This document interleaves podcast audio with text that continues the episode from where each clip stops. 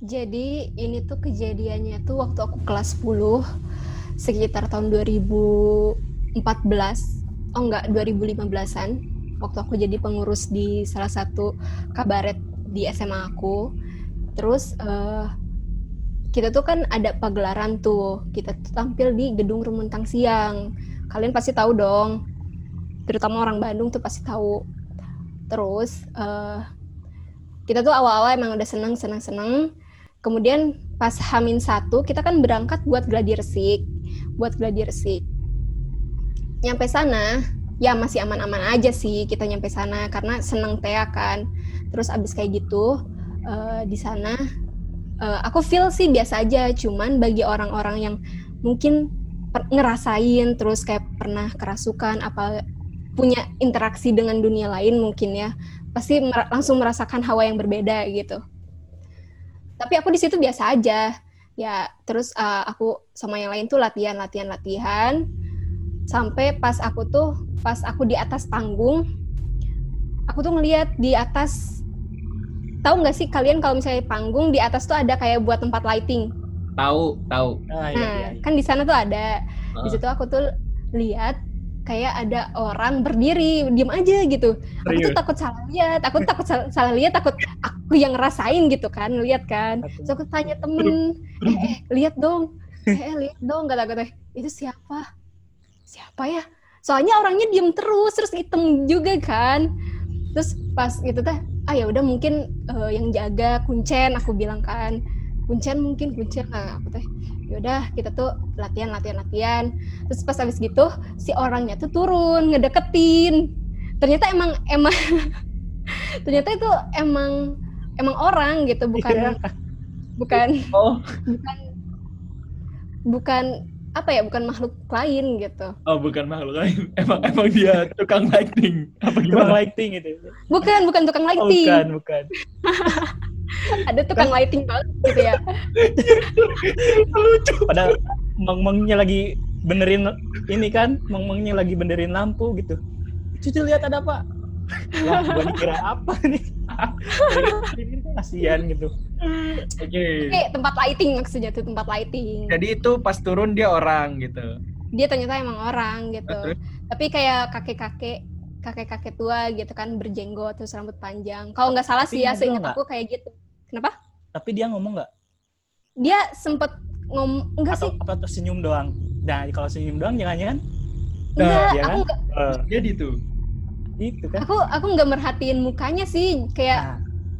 nggak nah. tahu lah pokoknya tiba-tiba dia tuh naik ke atas panggung tiba-tiba kayak baca-bacaan gitu ngelilingin si panggungnya Nah terus abis kayak gitu, oh ya udahlah mungkin lagi di Bismillahin minta izin gitu kan. Hmm. Terus kata, uh, emang kan kita kalau misalnya di tempat orang jangan jangan terlalu macet gitu, jangan terlalu heboh gitu, karena takut keganggu gitu, ketempelin apa gimana gitu kan. Terus abis kayak gitu, uh, ya udah kita tuh lanjut lagi pas hari H. Oh enggak, pas malamnya kan eh, anak-anak uh, yang lain mah kayak cewek-cewek yang lain gitu pada pulang kan karena udah malam gitu. Kalau sisanya cowok-cowok tuh pada ngambilin properti nyimpen-nyimpen properti di backstage.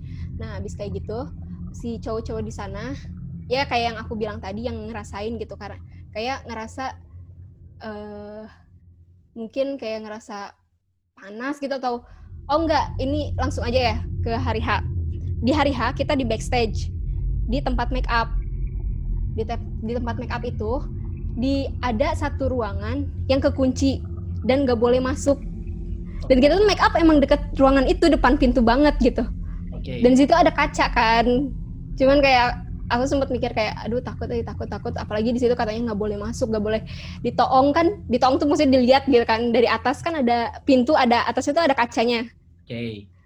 nah katanya nggak uh, pokoknya nggak boleh lah nggak boleh ngebuka pintu itu kayak ya di situ kan aku juga merinding kan kayak ya anjir apaan sih gitu terus uh, pas main kan kita kalau misalnya sebelum masuk ke depan tuh masuk si apa masuk si layar hmm. itu kita kan nunggu di belakang kan di belakang atau nggak di pinggiran iya yeah. nah di situ uh, ada pemain yang tiba-tiba tangannya itu kegores gitu loh kayak kegores kena paku gitu apa gimana?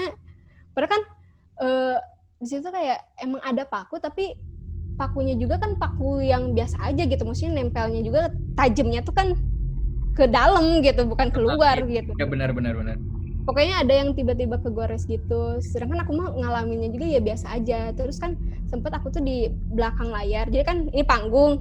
Di belakang tuh kan suka ada ini ginian tirai gede. Nah aku kan Iya. di belakang tirai itu tuh itu tuh bener-bener gede banget luas banget dan di situ aku sempet kayak sendirian di situ nggak ada siapa-siapa. Dan aku harus muncul dari tengah-tengah kan. Itu bener-bener kayak anjir luas. Terus kayak ih, sepi aja gitu ih ngeri gitu. Ya aku positif positif terus weh. Karena aku orangnya positif gitu kan. Oke oke. Apa- Eh tapi tapi kalau mau misalkan, negatif. Apa? Eh, bicara yang eh, positif gitu kan gue ngedengar dari apa ya bu- bukan dengar sih pernah nonton dari YouTube juga. Kalau misalkan eh, mereka itu kayak nyerap energi energi ketakutan dari kita gitu. Iya benar benar. ya, ya kan? Ya kan? Kalau misalkan kita hubungin juga ketakutan itu kan sama ya kayak pemikiran kita ke psikologi kita. Ya sama kalau misalkan kita netting mungkin bisa lebih dia menyerap kita eh, nyerap energi kita ya bisa jadi mungkin ada atau dan lain hal. Tapi kalau misalkan kita positif ya mungkin ada gitu kan kayak yang desa lakuin tadi gitu. Jadi kan Iya. ya aman-aman aja gitu. Iya makanya kan kita kalau misalnya datang ke tempat-tempat itu eh, selalu minta izin kan dalam hati gitu. Niatnya mungkin buat ziarah apa gimana kan kalau orang Sunda mah gitunya. Aduh Sunda nak keluar ya. Aduh. iya emang emang gitu kan. Apalagi kan kita ya dalam Islam juga kan diajarin juga kalau misalnya ke tempat itu harus assalamualaikum pokoknya niatnya baik gitu. Jangan jangan sampai ngeganggu atau macet teuing kayak gitu kan. Nah di Macet situ teuing. aku Gimana macet teuing macet teuing tuh heboh teuing apa gimana ya? Rusuh apa- gak mau diem gitu. Terus? Maaf ya orang Bandung banget gitu. Nggak apa-apa nggak apa-apa. terus apa lagi ya? Ya pokoknya sih kalau di Rumentang siang lebih ke hawanya terus kayak ada kejadian di backstage yang yang di belakang Tea yang di backstage itu ada ruangan yang nggak boleh dibuka. Itu juga kita masih nggak tahu itu apa gitu di dalamnya gitu. Iya iya. terus eh, yang ngalamin sampai ke gores gitu di tangan. Ada beberapa orang sih kalau nggak salah aku lupa lupa ingat. Pokoknya itu sih sebenarnya pengalamannya bukan pengalaman aku pribadi Iya, gue juga kalau misalkan kan Romentang Siang ini kan apa namanya? Eh nama tempatnya itu apa?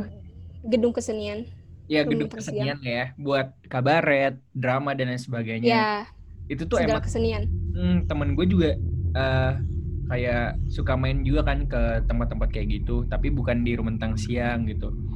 eh ya sama cerita-ceritanya nggak jauh dari kesurupan di sana suka kesurupan juga eh, bahkan kesurupannya juga kesurupan sama orang-orang seni juga. Kayak misalnya penari kayak gitu.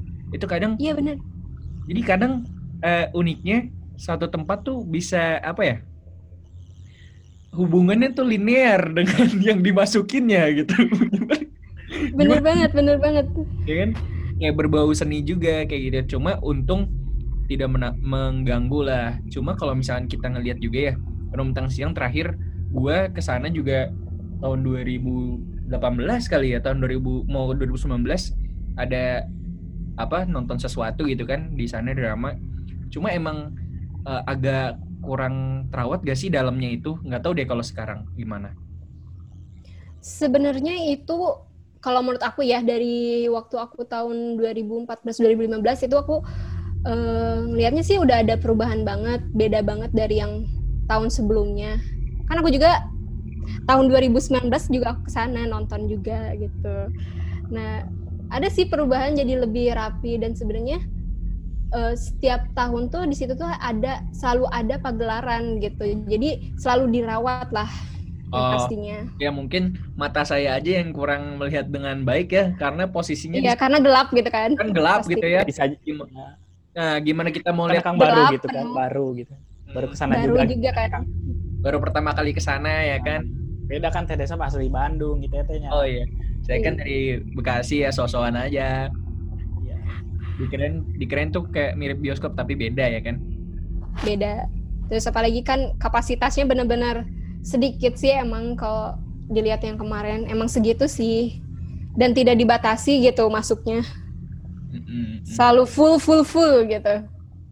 Iya bener soalnya eh, kadang banyak juga sih kayak tempat kayak gitu, tapi pengunjungnya tuh nggak dibatasi ya kan?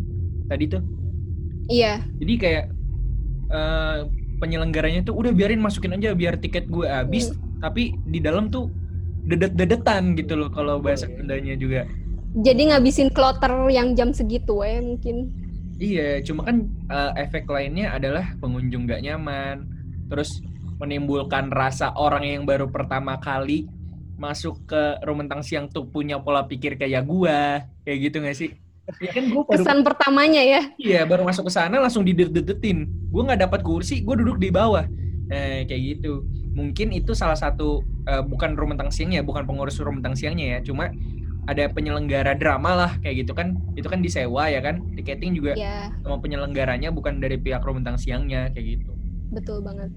Oh dari pihak Rumentang Siangnya, alhamdulillah katanya eh, selaku yang suka sering ke sana tuh eh, terawat dan rapi kayak gitu ya bagus lah. Iya, terawat sih. Setiap tahunnya pasti terawat banget.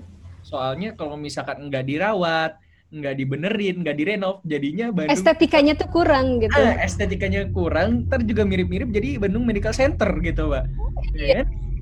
Nah, tapi dengar-dengar nih BMC ini eh, sekarang udah lagi tahap renovasi gitu.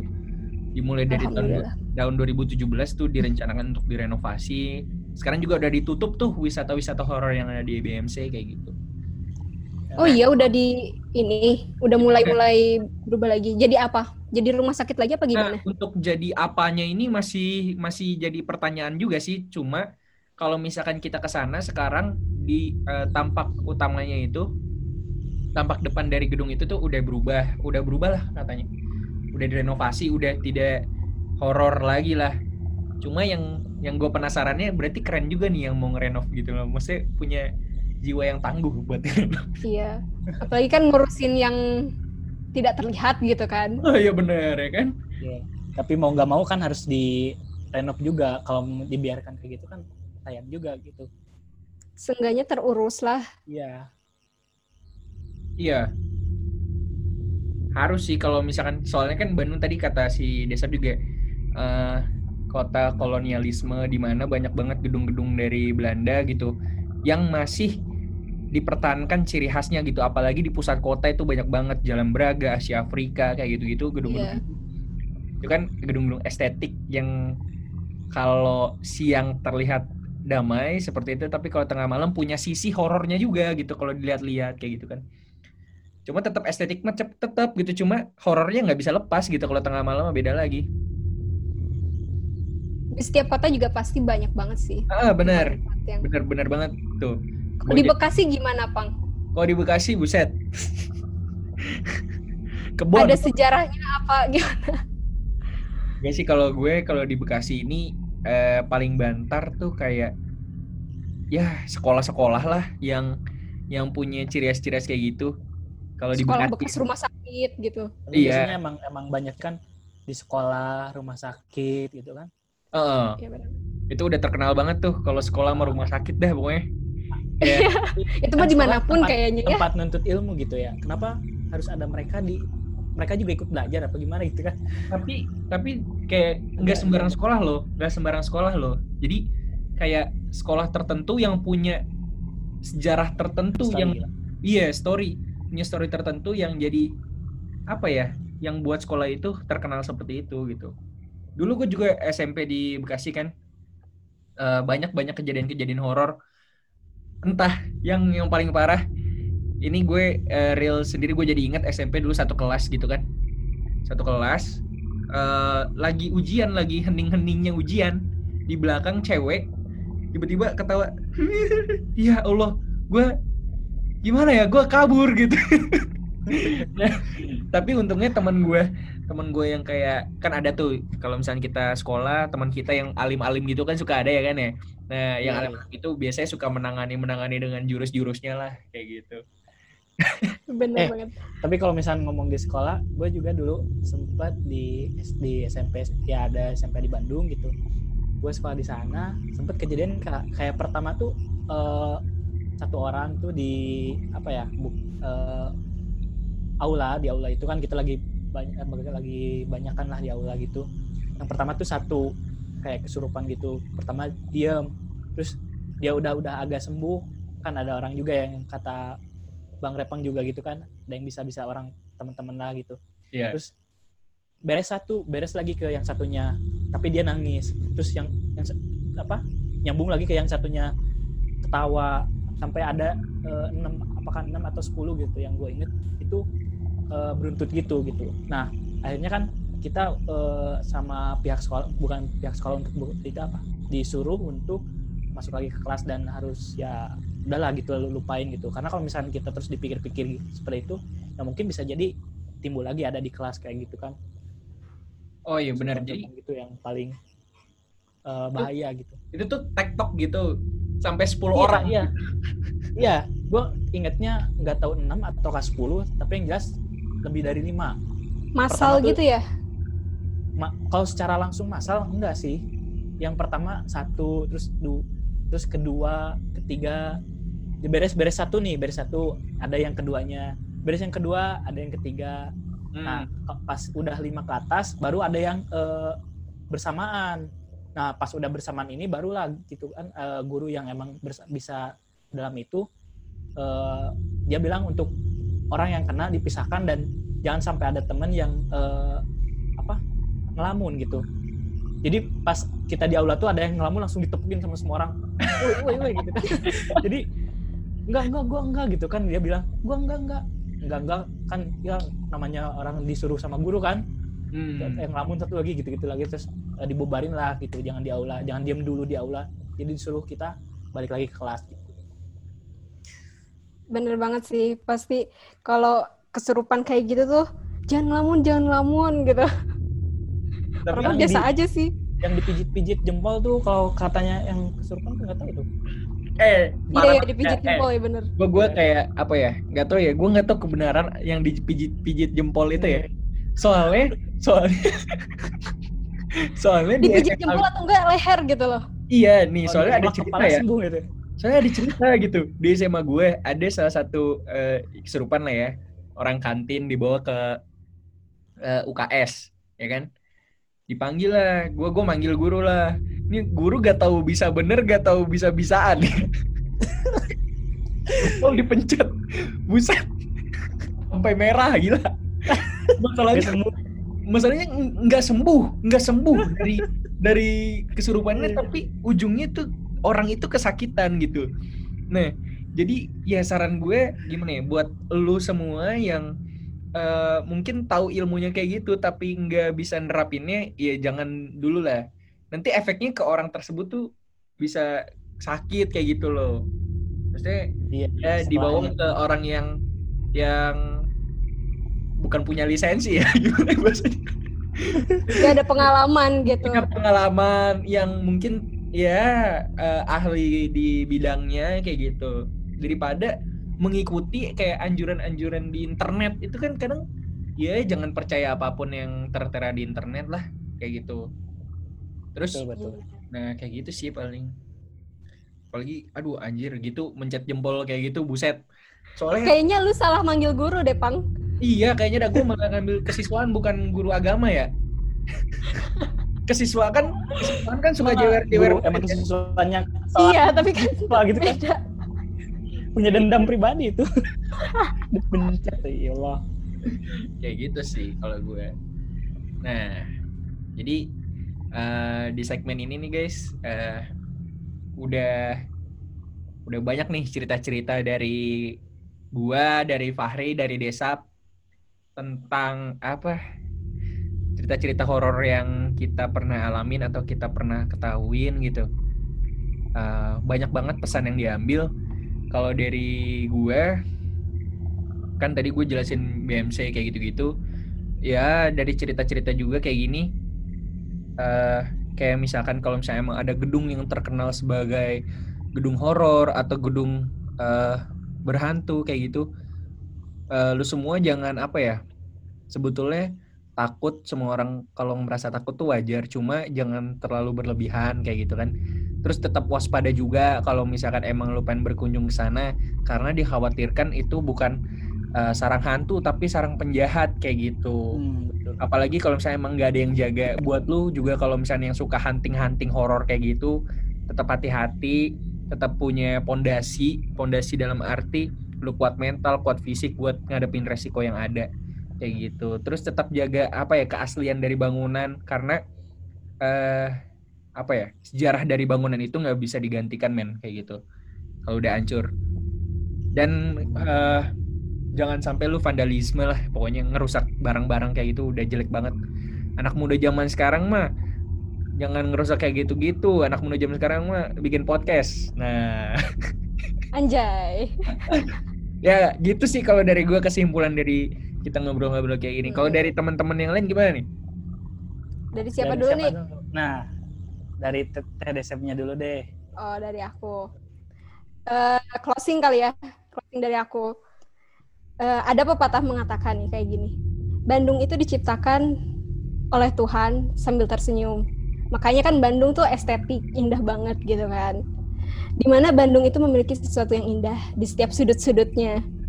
Baik itu indah estetik indah uh, apa misterinya dan lain hal.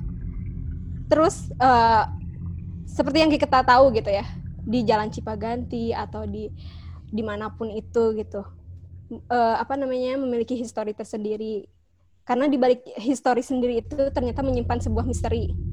Jadi jangan melihat suatu kota itu dari sisi keindahannya aja lihat juga historinya tapi ingat mereka juga tidak akan meninggalkan sebuah sejarah dengan kenangan begitu saja tanpa sebuah misteri itu sih Oke, keren banget kesimpulan dari Desap ini. Yuk, jangan mau kalah yuk, yang cowok yuk, silakan. Saya nggak pinter ya ngambil kesimpulan. Saya pinternya ngambil ini gorengan lima. ngambil hati orang juga, ngambil hati orang. Ngambil hati Waduh, orang. Itu Bapak Repang ya? Mungkin kalau dari saya sendiri, kalau dari, dari iya saya lagi boleh lah gua gitu kan. Kalau dari gua sendiri, uh, apa ya dari obrolan ini gitu mungkin emang gak terlalu banyak horor yang kita angkat gitu karena inilah kalau menurut gue inilah yang terjadi dan inilah emang nggak nggak ada yang e, dibesar-besarkan kayak e, pengalaman Tepang ya seperti itu hanya e, melihat teman-temannya gitu. Hanya ngedengar terus pengalaman Tedesab juga gitu hanya ngedengar dan e, seperti lain hal dan pengalaman saya sendiri gitu. Ini ngebuktiin bahwa emang uh, eksistensi dari mereka itu masih setengah-setengah gitu. Kalau memang kita harus percaya seperti emang uh, halnya yang sudah ada gitu kayak binatang yang emang udah bisa kita ketahui kura-kura. Misalkan itu kan emang sudah ada eksistensinya bisa kita lihat bisa kita pegang dan bisa kita uji coba secara langsung gitu. Nah berbeda dengan uh, horor ini uh, bukan horor maksud saya uh, setan atau pengalaman ini kan hanya kadang hanya obrolan-obrolan. Tidak ada uh, nyatanya tidak ada alat yang bisa uh, mengempirikan atau untuk mengukur mereka gitu kan menguji mereka ke asli, ke apa keaslian dari mereka gitu jadi dari dari uh, saya sendiri ya ber, selalu, berpikir positif gitu ketika kita ada di mana pun ketika di tempat gelap kita bukan hanya takut uh, setannya tapi takut pada orang yang uh, bisa jadi mereka berbuat jahat di tempat gelap gitu kan tetap uh, benar gitu kita harus menjaga uh, kasihan apa yang ada di sekitar kita gitu karena uh, mereka juga akan melindungi kita kalau kita lindungi gitu di suatu saat gitu. Oke. Paling cukup sekian ya.